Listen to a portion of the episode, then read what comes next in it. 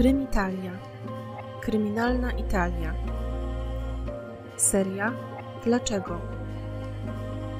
Odcinek dziesiąty. Mężczyzna i trzy kobiety. Buongiorno, dzień dobry. Bardzo mi miło nagrywać dla Was ponownie.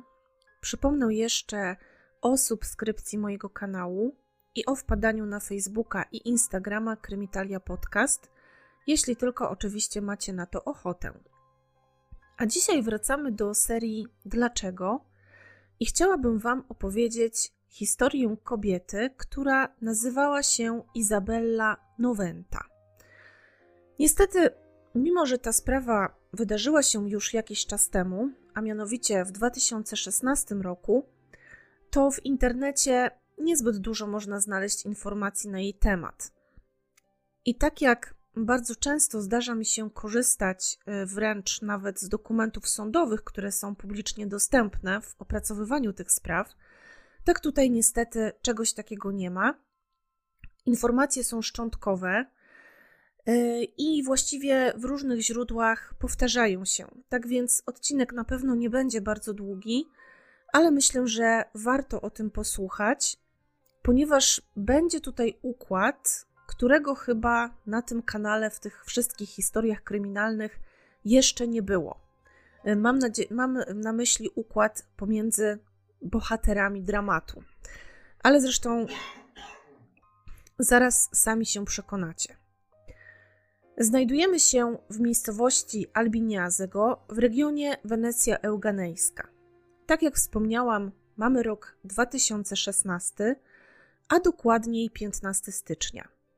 Izabella Noventa ma 55 lat i pracuje jako sekretarka w gabinecie stomatologicznym swojego brata.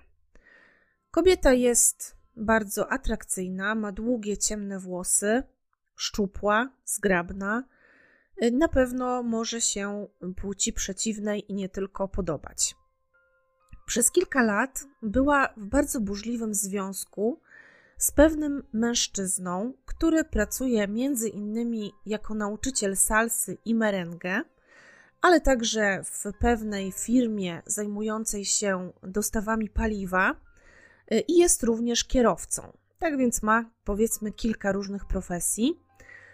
Y, I ów właśnie człowiek jest od Izabelli młodszy o 10 lat, ma więc 45 lat w momencie opisywanych wydarzeń a nazywa się on Freddy Sorgato. W czasie, o którym Wam opowiadam, y, oni nie są już parą, y, to znaczy byli przez około 3 lata, ale w tym momencie już zerwali, właściwie to Izabella podjęła taką decyzję, ale tak do końca właściwie ostatecznie ze sobą nie zerwali, ponieważ dalej spędzają razem czas, dalej się spotykają i dalej są też pomiędzy nimi jakieś tam relacje intymne. Tak więc to zdecydowanie nie zanikło, dlatego też wspomniałam, że był to taki burzliwy związek, ponieważ z jednej strony nie są już razem, tak jak powiedziałam, oficjalnie zerwali, ale też no tak do końca nie mogą się rozstać.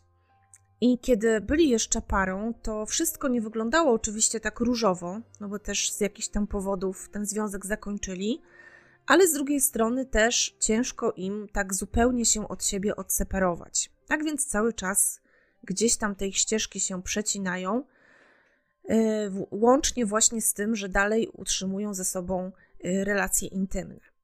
No i właśnie ten wieczór 15 stycznia Freddy i Izabella spędzają razem.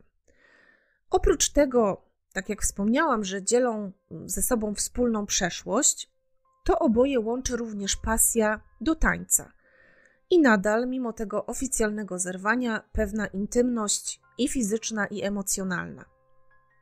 No i 15 stycznia, około godziny 22, wychodzą razem z pizzerii w Albiniazego i jadą do mieszkania Frediego w Noventa Padowana. To są wszystkie, wszystko dosyć małe miejscowości położone w okolicach Padwy. Tam jednak, właśnie już na miejscu, w domu Frediego, jak wynika z jego własnych słów, Izabella zmienia zdanie i prosi go, aby podwiózł ją do Padwy, ponieważ tam chciałaby spotkać się ze swoją znajomą. Nie wiem dokładnie, jak on to tłumaczy, to znaczy, czy to jest taka nagła prośba, skąd się nagle ta znajoma wzięła, czy na przykład do Izabeli zadzwoniła, czy też Izabella sobie tak znienacka przypomniała o tym, że miała jakieś tam umówione spotkanie. Niestety nigdzie nie jest to wyjaśnione, no ale mniejsza z tym. Tak Freddy y, tę sytuację przedstawia, że najpierw pojechali do niego do domu i tam właśnie już na miejscu Izabella zmieniła zdanie i poprosiła, żeby zawiózł ją do Padwy. No więc tak właśnie robią. Y, jadą razem do centrum, do Padwy y, i tam na Piazza Insurrezione rozstają się. Freddy opowiada, że w tym momencie on sobie poszedł na dyskotekę w towarzystwie innej kobiety, z którą też od jakiegoś czasu coś go zaczęło łączyć, i że też ten fakt, że on spotyka się z kim innym, również nie był na rękę Izabelli. To znaczy, ona, mimo tego, że się rozstali, to robiła mu z tego powodu różne przytyki, awantury, no i delikatnie mówiąc, nie była szczęśliwa, jak się o tym dowiedziała. W każdym razie, co ważne dla tej historii, od tej pory po naszej Izabelli niestety ginie wszelki ślad. Policja, jak już pewnie się zdążyliście domyślić, ponieważ powtarzałam, że to są wszystko słowa Frediego i wersja Frediego, tak więc oczywiście policja przesłuchuje go w pierwszej kolejności, no i to właśnie z jego zeznań wiadomo, jak przebiegał tamten wieczór. Policjanci sprawdzają też dane z GPS, który jest zainstalowany w Audi mężczyzny, no bo chcą sprawdzić, czy faktycznie takie przemieszczenia tego samochodu, o jakich Freddy opowiadał, miały miejsce. No i potwierdza się, że jeśli chodzi o trasę, jaką wtedy miał przebyć, no to mówi on zdecydowanie prawdę. Ale z drugiej strony nie ma absolutnie żadnego świadka, który mógłby potwierdzić, że Izabella faktycznie znajdowała się w jego towarzystwie. Policja natychmiast też przegląda nagrania z różnych kamer monitoringu w mieście, no i znajduje na tych nagraniach postać kobiety. Jest to kobieta w kapturze, w kurtce takiej zimowej i w kapturze zarzuconym na głowę. No i właśnie na tym nagraniu ta kobieta wysiada z auta Frediego na wspomnianym już przeze mnie Piazza Insurrezione w Padwie. Ale właściwie nie da się z całą pewnością stwierdzić, czy jest to zaginiona Izabella. Można powiedzieć e, z dużą dozą prawdopodobieństwa, że tą osobą jest kobieta, ale zdecydowanie nie można stwierdzić, że to faktycznie Izabella. A wręcz bliscy kobiety, czyli mama, tata i jej brat, są zdania, że tą osobą nie jest Izabella. Co prawda rozpoznają tę kurtkę z kapturem, y, ale chód tej postaci według nich jest zupełnie inny, a buty mają też inny kolor. Poza tym, policja nie może namierzyć kobiety, z którą rzekomo chciała spotkać się Izabella. Powiedziałam, pamiętacie, że to był właśnie pretekst do wyjazdu do miasta, do Padwy, że Izabella powiedziała Frediemu, że z kimś tam ma się spotkać. No i niestety policja nie jest w stanie w żaden sposób tego potwierdzić, ponieważ nikt taki się nie zgłasza po różnych próbach mm, właśnie wezwania takiej osoby, czy gdzieś tam odnalezienia jakiegokolwiek punktu zaczepienia. Nikogo takiego nie ma. Żadna ze znajomych, z koleżanek Izabelli tego nie potwierdza. Narastają więc powoli podejrzenia, że Freddy mógł mieć z tym wszystkim coś wspólnego, mógł upozorować całą scenę, no i to właśnie on stoi za zaginięciem swojej byłej partnerki. Mężczyzna właściwie od razu zatrudnia adwokata. No, wydaje mi się, że też dlatego, że czuje, że jego położenie nie jest do końca w tej sytuacji fajne, no bo po pierwsze był ostatnią osobą, która widziała Izabellę, a po drugie cała ta, całe to jego, można powiedzieć teraz już alibi, no nie jest, nie ma zbyt mocnych podstaw, ponieważ y, te nagrania z monitoringu absolutnie nie potwierdzają, że, że jest na nich Izabella. Y, tak więc jest troszkę wystraszony, no i postanawia jak najszybciej zatrudnić sobie prawnika. Oczywiście jego dom, w którym miała przebywać jego ekspartnerka tamtego wieczoru, y, a także jego samochody zostają przeszukane, ale bez większych rezultatów, a przynajmniej takie rezultaty nie zostały podane do wiadomości publicznej. Być może y, pojawia się też oczywiście jedna z pierwszych takich hipotez, że być może Izabella postanowiła zmienić swoje życie i oddaliła się zupełnie dobrowolnie. Druga hipoteza to niestety porwanie i morderstwo. Jednak zarówno w pierwszym, jak i w drugim przypadku brakuje motywu. Po pierwsze, dlaczego kobieta, która wydawała się szczęśliwa, realizowała swoje pasje, y, dogadywała się dobrze ze swoimi bliskimi, miałaby tak nagle uciekać, właściwie nie biorąc ze sobą absolutnie nic. No i po drugie, policja też nie jest w stanie natrafić na nikogo, kto mógłby chcieć, oczywiście na nikogo z otoczenia kobiety, kto mógłby chcieć zrobić jej krzywdę. Dlaczego miałby to robić? Tymczasem jednak w toku śledztwa policjanci docierają do starych zgłoszeń Izabelli, które składała ona na policji, a dotyczyły one stalkingu. Starych mówię w sensie takim, że miały one około 3 lat. Zaczęło się to w 2013 roku, no a w momencie opisywanych wydarzeń mamy 2016. Tak więc 3 i 2 lata wcześniej ktoś wysyłał do Izabelli obraźliwe SMSy, Zostawiał jej też przeróżne kartki z pogróżkami gdzieś tam za wycieraczkami samochodu. I z treści tych wszystkich wiadomości wynikało, że osobą, która prześladowała Izabellę, była kobieta i że chodziło w tym wszystkim o zazdrość o Frediego. Listy podpisane były Twoja przyjaciółka od serca. I wydaje się, że Izabella na pewno była wręcz przerażona tym, tym wszystkim, tymi wiadomościami, tymi groźbami, ponieważ policja weryfikuje, że raz na pewno wylądowała na pogotowiu, y, po czym zdiagnozowano u niej ostre stany lękowe. No i tak jak wspomniałam, aż około sześciu razy składała na policji skargę na tę swoją stalkerkę. Oprócz tego w życiu Izabelli pojawiły się też pewne, na razie być może drobne kłopoty z prawem. A mianowicie jej brat dostał wyrok za nielegalne wykonywanie zawodu stomatologa, a ona sama, jako osoba pracująca w jego gabinecie, również miała stanąć przed sądem w lutym, czyli zaginęła na około miesiąc przed tym planowanym procesem. I też tutaj nie dotarłam do takich szczegółowych informacji, o co chodziło z tym nielegalnym wykonywaniem zawodu.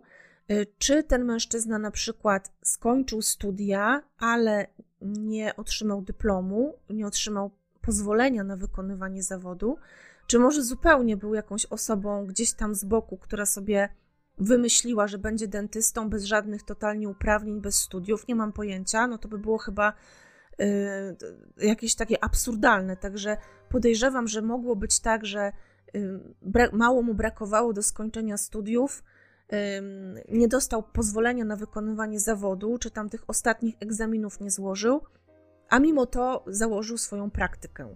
Y, tak, tak wydaje mi się, że mogę tak spekulować.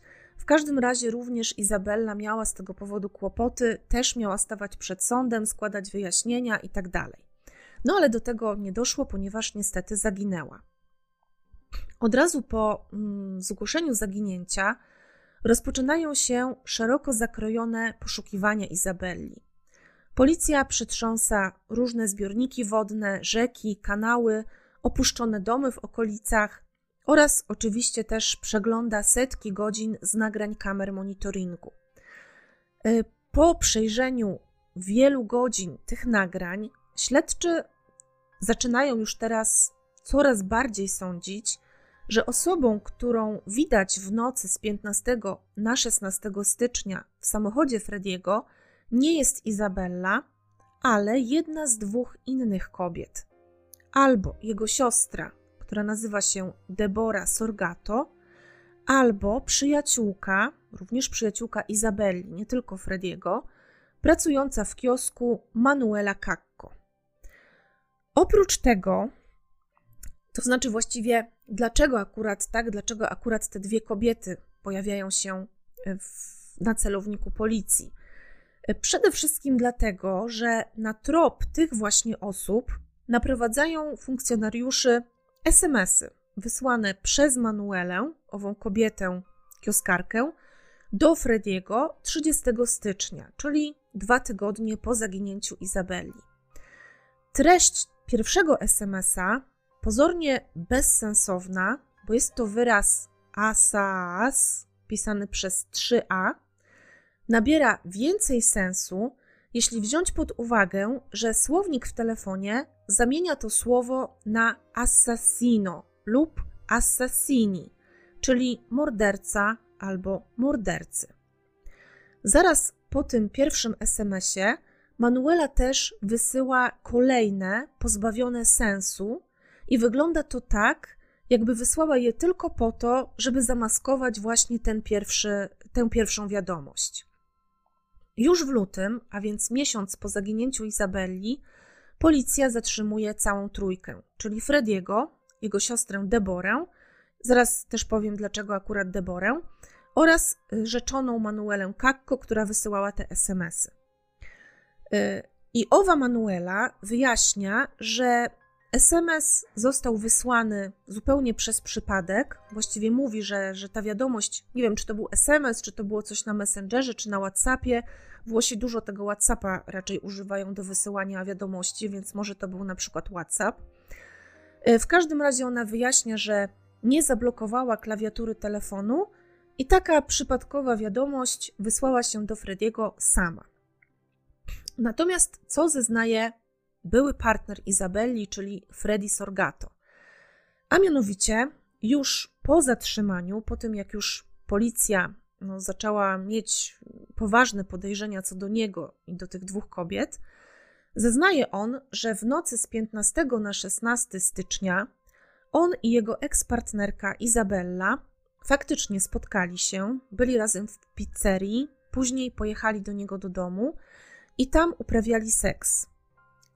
I opowiada on, że niestety ich zabawy erotyczne ostro wymknęły się spod kontroli i doszło do nieszczęśliwego wypadku. To znaczy, Freddy po prostu udusił Izabellę, w wyniku czego tak za bardzo ją poddusił, tak? I w wyniku tego ona straciła życie. Na tym polegały te ich, y, te ich właśnie gry, że to było takie podduszanie. I tym razem niestety granica została przekroczona. I on opowiada, że spanikował i wiedział, że to nie będzie takie łatwe do wytłumaczenia, że do tego wypadku, powiedzmy, doszło akurat w jego towarzystwie, u niego w domu, y, więc był przerażony tym wszystkim, dlatego też postanowił zbudować sobie alibi. No i w tym celu poprosił o pomoc Manuelę Kakko. Kobieta założyła, oczywiście przyjechała, on do niej zadzwonił, ona przyjechała na miejsce. Zgodziła się założyć puchową kurtkę z kapturem należącą do Izabelli. Pojechała samochodem Frediego, tym Audi, o którym wspomniałam, razem z nim do centrum Padwy. No i tam spacerowała po tych wszystkich tam placach, ulicach, w ten sposób, żeby nagrał ją monitoring. Sama Manuela, zapytana o to wszystko, potwierdza tę wersję. Na przesłuchaniu opowiada, że faktycznie spełniła prośbę Frediego, ubrała się w kurtkę przyjaciółki i spacerowała tam, gdzie wiedziała, że nagra ją monitoring. Z kolei siostra mężczyzny, Debora, na przesłuchaniu, które trwa niemal 10 godzin, całkowicie zaprzecza, aby miała cokolwiek wspólnego z całą sprawą. No i teraz dochodzimy do takiego punktu, dlaczego właściwie również Debora została zatrzymana. Ano dlatego, że również i ją nagrał monitoring tamtej nocy, właśnie w interesującej policję okolicy. Na nagraniu widać jej samochód, Golf, w którym jest ona właśnie za kierownicą i jedzie tuż za Audi Frediego. Freddy zasadniczo więc przyznaje się do tego, że Izabella straciła życie w jego obecności i że postanowił zatuszować ten fakt. Zeznaje również, że wrzucił jej ciało do pobliskiej rzeki Brenta. Ona tam, ta rzeka płynęła w okolicach jego domu. Niestety, szeroko zakrojone poszukiwania ciała Izabelli kompletnie nic nie dają i tego ciała nie daje się nigdzie odnaleźć. Podczas całych tych poszukiwań dochodzi też niestety do nieszczęśliwego wypadku, ponieważ jeden z nurków poszukujących Izabelli tonie w wodach rzeki Brenta. Śledczy podejrzewają więc, że Freddy kłamie i że wcale nie wrzucił tego ciała do rzeki. Gdyby tak było, z pewnością ono gdzieś tam by wypłynęło. I na pewno w jego interesie leży to, aby zwłok nie odnaleziono, bo wtedy, jeśli kłamie, prawda o śmierci Izabelli mogłaby wyjść na jaw. Policja jest przekonana, że nie doszło tutaj do żadnego wypadku, ale do morderstwa, a do tego do morderstwa, które było wcześniej planowane i dokonane z całkowitą premedytacją. A jaki byłby w takim razie motyw tej zbrodni? Policja spekuluje, że może chodzić o motyw uczuciowy. Wychodzi na jaw, że Manuela Cacco, przyjaciółka Izabelli, była związana z Fredim.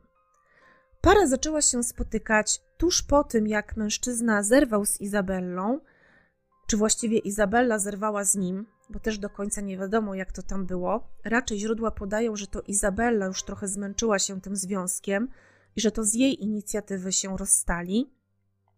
Tak więc zaraz zaczęli się spotykać po tym, jak oni zerwali. No ale jak wiecie, to ich zerwanie też wcale nie oznaczało, że dalej się ze sobą nie spotykali i nie sypiali, a wręcz przeciwnie. Tak więc wydaje się, że Freddy lawirował między tymi dwiema kobietami i pojawiają się też takie głosy, że miał wręcz lekką obsesję na punkcie Izabelli i że to on nie chciał pozwolić jej tak do końca odejść. Również stalking, który zgłaszała wielokrotnie Izabella, nabiera teraz większego sensu. Czyżby to właśnie Manuela Cacco prześladowała przyjaciółkę z zazdrości o jej mężczyznę? Wszystko, jak pamiętacie, zaczęło się mniej więcej w 2013 roku, czyli dokładnie wtedy, kiedy Izabella i Freddy zaczęli się spotykać, zaczęli być parą. Pod koniec lutego 2016 roku nadchodzi potwierdzenie. To faktycznie z karty SIM Manueli były wysyłane SMSy z pogróżkami do Izabelli. Manuela oczywiście nie przyznaje się do niczego i twierdzi, że ktoś ukradł jej wtedy tę kartę SIM, a ona z wiadomościami nie ma absolutnie nic wspólnego. Pojawia się tutaj również kolejna kwestia co do motywu ewentualnego morderstwa Izabelli, a mianowicie pieniądze. Policja odkrywa aż osiem różnych rachunków bankowych otwartych na nazwisko Izabelli. Okazuje się również, że kobieta brała przeróżne kredyty też w różnych firmach, w różnych miejscach. Nie bez znaczenia jest pewnie fakt, że Freddy Sorgato jest bardzo zamożną osobą, a jego majątek szacuje się na około 2 milionów euro. Mężczyzna pracuje między innymi dla firmy naftowej, skąd, jak ustali policja, nieuczciwie wyprowadza paliwo i sprzedaje później po zawyżonych cenach. Dzięki temu wszystkiemu może pozwolić sobie na wszelkie przyjemności, na jakie tylko ma ochotę, a oczywiście kocha wystawne i luksusowe życie. Tak więc no, jest człowiekiem zamożnym i majętnym. Czy mógł więc wchodzić w grę motyw finansowy? Czy Izabella miała na przykład jakieś kłopoty i chciała od Frediego pieniędzy? W międzyczasie, pod koniec lutego, pojawiają się informacje o zeznaniach Manueli Cacco. Kobieta podaje następującą wersję wydarzeń z nocy z 15 na 16 stycznia 2016 roku. Opowiada, że zadzwonił do niej Freddy Sorgato wieczorem i poprosił, aby przyjechała do jego domu. Kiedy tam się zjawiła, na miejscu była też siostra Frediego, Debora. Rodzeństwo opowiedziało jej, że Debora zabiła Izabellę w kuchni domu Frediego zadając jej dwa ciosy młotkiem w głowę. Następnie założyła na jej głowę plastikową torebkę, żeby spowolnić upływ krwi i uniknąć ewentualnego zabrudzenia kuchni. Dlaczego jednak Debora miałaby zabijać Izabellę? Kobiety prawdopodobnie się pokłóciły. Izabella oskarżała siostrę swojego byłego partnera o to, że to właśnie ona prześladuje ją wiadomościami. Natomiast Debora nigdy nie była zadowolona z faktu, że jej brat spotyka się akurat z Izabellą. Bała się tego, że ta kobieta ma na niego zły wpływ i że to jest bardzo, bardzo negatywne, że Freddy ma na jej punkcie aż taką obsesję. Tak więc Debora w ataku furii rzuciła się na Izabellę z tym młotkiem. Manuela opowiada, że Frediego przy tym nie było. Był wtedy albo na zewnątrz, gdzieś tam na podwórku mm, przed domem, albo na górnym piętrze domu i odkrył całą scenę już po czasie, wtedy kiedy Izabella już nie żyła. Zbrodni dokonała więc tylko jego siostra, natomiast on zgodził się jej pomóc wszystko zatuszować po to, żeby ją chronić. W tym właśnie celu zadzwonił po Manuelę, z którą, jak już wiecie, wiązała go uczuciowa relacja, i razem postanowili przebrać się za Izabellę, żeby zbudować alibi. Manuela dodaje też, że Debora do niczego się nie przyznaje i jest tak bardzo pewna siebie, ponieważ jej życiowy partner pracuje jako komendant karabinierów i przez to kobieta uważa, że jest nie do ruszenia, nic jej nie udowodnią, nic jej nie mogą zrobić. Również z tego powodu, właśnie, że Debora jest związana z karabinierem, wszyscy troje postanowili przetransportować ciało Izabelli nie samochodem Frediego, ale właśnie samochodem Debory, ponieważ uznali, że ryzyko, że zostanie ona zatrzymana i wylegitymowana, było bardzo niewielkie. Karabinierzy znali ją jako partnerkę ich szefa, tak więc uznali, że nawet gdyby ją zatrzymali, to pewnie puściliby ją wolno dalej i na pewno nie zadawaliby sobie trudu, żeby z jakiegoś tam powodu przeszukiwać bagażnik. Sama Deborah Sorgato, która przebywa już wtedy w areszcie, oczywiście stanowczo wszystkiemu zaprzecza. Zeznaje, że to nie ona zabiła Izabellę i że nie ma nic wspólnego z całą sprawą. Z kolei Freddy Sorgato dalej trzyma się swojej poprzedniej wersji. Udusił Izabellę przypadkiem podczas seksu. Wcześniej bardzo często stosowali te praktyki, ale tamtej nocy niestety sprawy zaszły za daleko. Partner Debory, rzeczony karabinier Giuseppe Verde, wiedział, jak się okazuje, o problemach Izabelli ze stalkerką. Pewnego razu podczas wspólnej kolacji z nim, Deborą i Fredim, Izabella mu o wszystkim opowiedziała. Była naprawdę tym przerażona i prosiła go o jakiekolwiek rady, jak ma w takiej sytuacji postępować, co robić, jak się chronić. Od tej pory Giuseppe bardzo często chodził za Izabellą, śledził każdy jej krok, właśnie po pierwsze po to, żeby jej pilnować, żeby ktoś nie zrobił jej krzywdy przez te anonimowe wiadomości, a po drugie po to, że chciał się zorientować, kto to w ogóle jest, kto jej grozi i dlaczego, kto pisze do niej te wiadomości. Y, Giuseppe nie został postawiony w żaden sposób tutaj w stan oskarżenia, jeśli chodzi o śmierć Izabelli, mimo że, tak jak mówię, no był niejako włączony w całą sprawę przez to, że właściwie ją śledził też y, po tym, jak ona mu o wszystkim opowiedziała, ale tam oskarżono go w toku śledztwa chyba o ujawnienie zbyt wielu szczegółów całej sprawy. Także on też tam w tej, w tej całej sytuacji niestety miał swój udział. Y, tak jak wspomniałam wcześniej, dom Frediego zostaje oczywiście dogłębnie przeszukany, a wszelkie możliwe ślady zabezpieczone. I informacje, jakie pojawiają się w, publicznie w internecie, są takie, że w kuchni faktycznie znalazły się plamy krwi.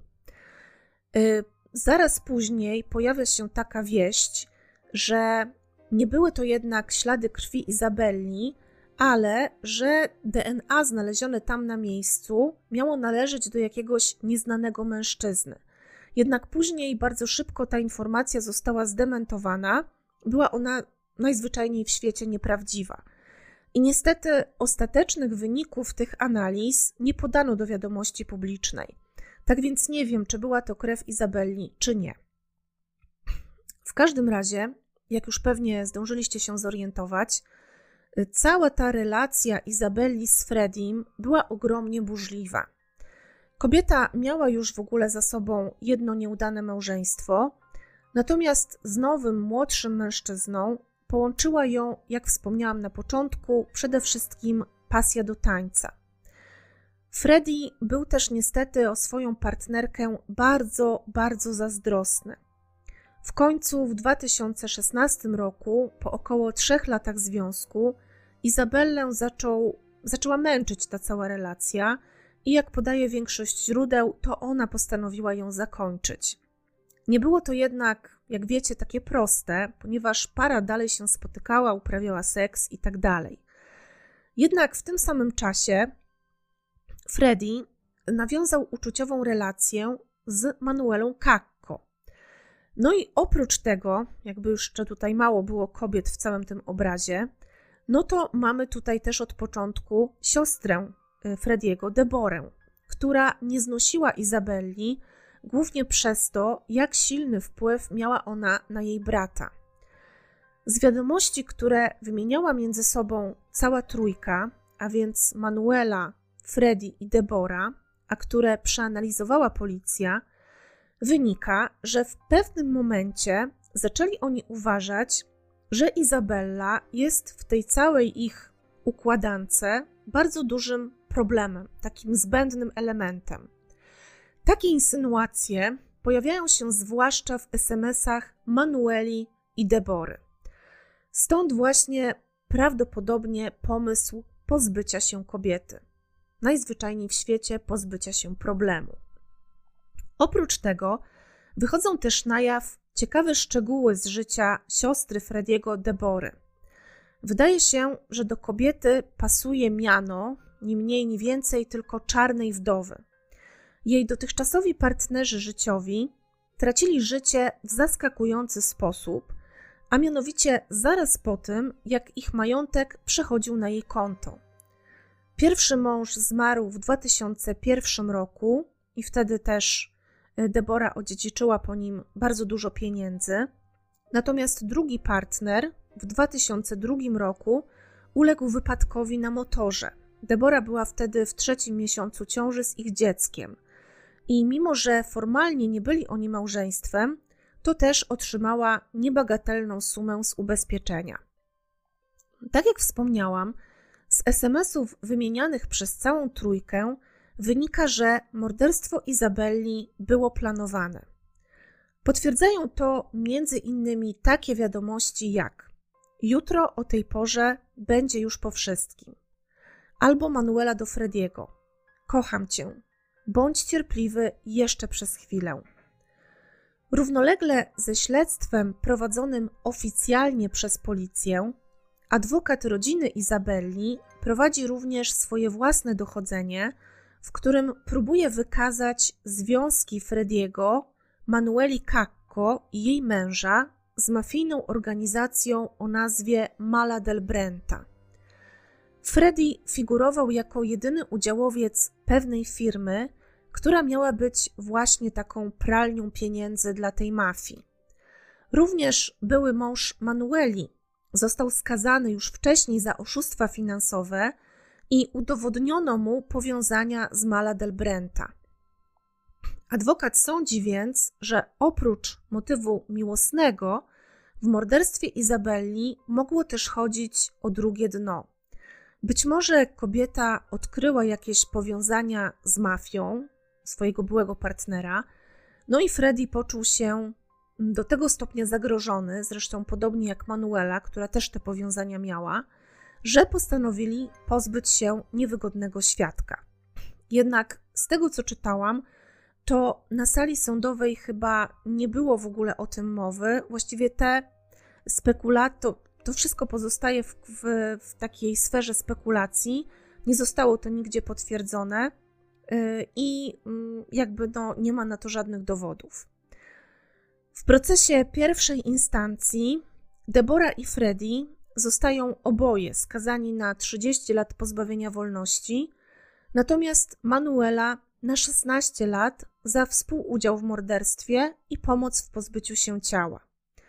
Według sądu cała trójka działała z pełną premedytacją. Motywem była zazdrość. Manuela chciała mieć Frediego tylko dla siebie. Debora z kolei widziała w Izabelli zagrożenie dla brata, który miał na jej punkcie niezdrową obsesję.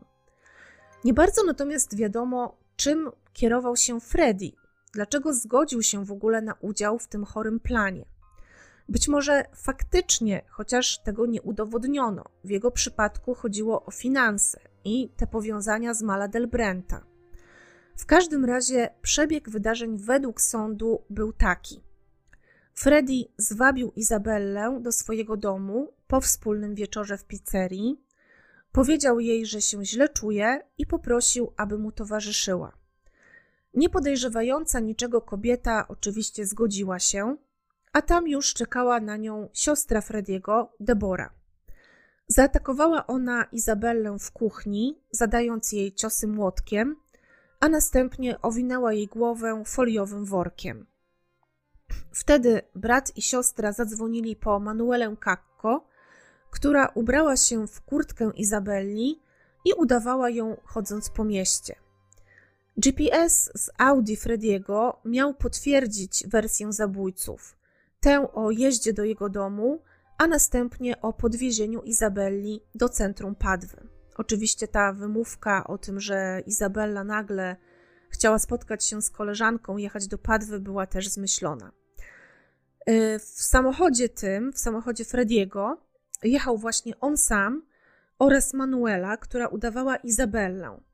Natomiast drugim samochodem, golfem, jechała Debora, a w bagażniku tego auta było ciało Izabelli. Tak jak wspomniałam, mordercze trio uznało, że jest mniejsze prawdopodobieństwo wpadki, jeśli użyją auta partnerki karabiniera. Ciała pozbyli się prawdopodobnie, tak jak powiedział to Freddy, wrzucając je do rzeki lub do jakiegoś innego zbiornika wodnego, jednak na to nie ma żadnego dowodu, ponieważ zarówno ciała, jak i narzędzia zbrodni nigdy nie odnaleziono. Wyrok w sądzie apelacyjnym był taki sam: 30 lat dla brata i siostry, 16 dla Manueli i takie same kary ostatecznie potwierdził sąd kasacyjny. Oczywiście podczas tych wszystkich e, lat, miesięcy procesów Freddy nie przyznawał się do winy, a nawet w pewnym momencie nastąpił jakiś taki sensacyjny przełom, że on zaczął twierdzić, że tak naprawdę Izabella żyje, że ona wcale nie została zamordowana, że nic się nie stało, tylko ona chciała zmienić swoje życie i gdzieś tam uciekła. No ale oczywiście też nie, nie znaleziono na to żadnego dowodu, nie dano mu w żaden sposób wiary, więc wyrok zapadł taki, jaki zapadł.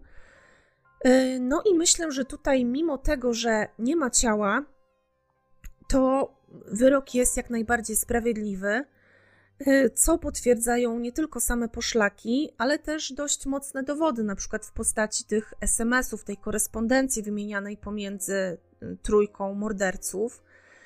E, I wydaje mi się, że tutaj w tym przypadku na większe wątpliwości nie ma miejsca. A dlaczego to wszystko się wydarzyło?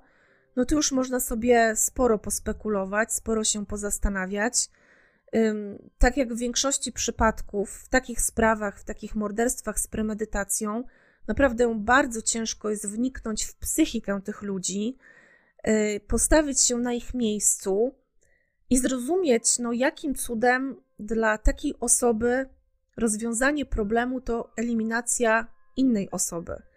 Jak oni się nawet, jeśli już nie odczuwają empatii, jakichś uczuć, współczucia wobec, wobec tej ofiary, no to jak właśnie na przykład się nie boją tego, że przecież to prędzej czy później i tak wyjdzie na jaw, no bo jak wiemy, niestety chyba więcej jest tych zbrodni niedoskonałych niż doskonałych. Na szczęście, nie niestety Oprócz tego, przy dzisiejszej technologii, przy tych nagraniach z monitoringu, pobieraniu y, śladów DNA i tak dalej, naprawdę ciężko jest mieć nadzieję, będąc takim mordercą, że akurat jemu się uda i że akurat na jego ślad policja nie natrafi.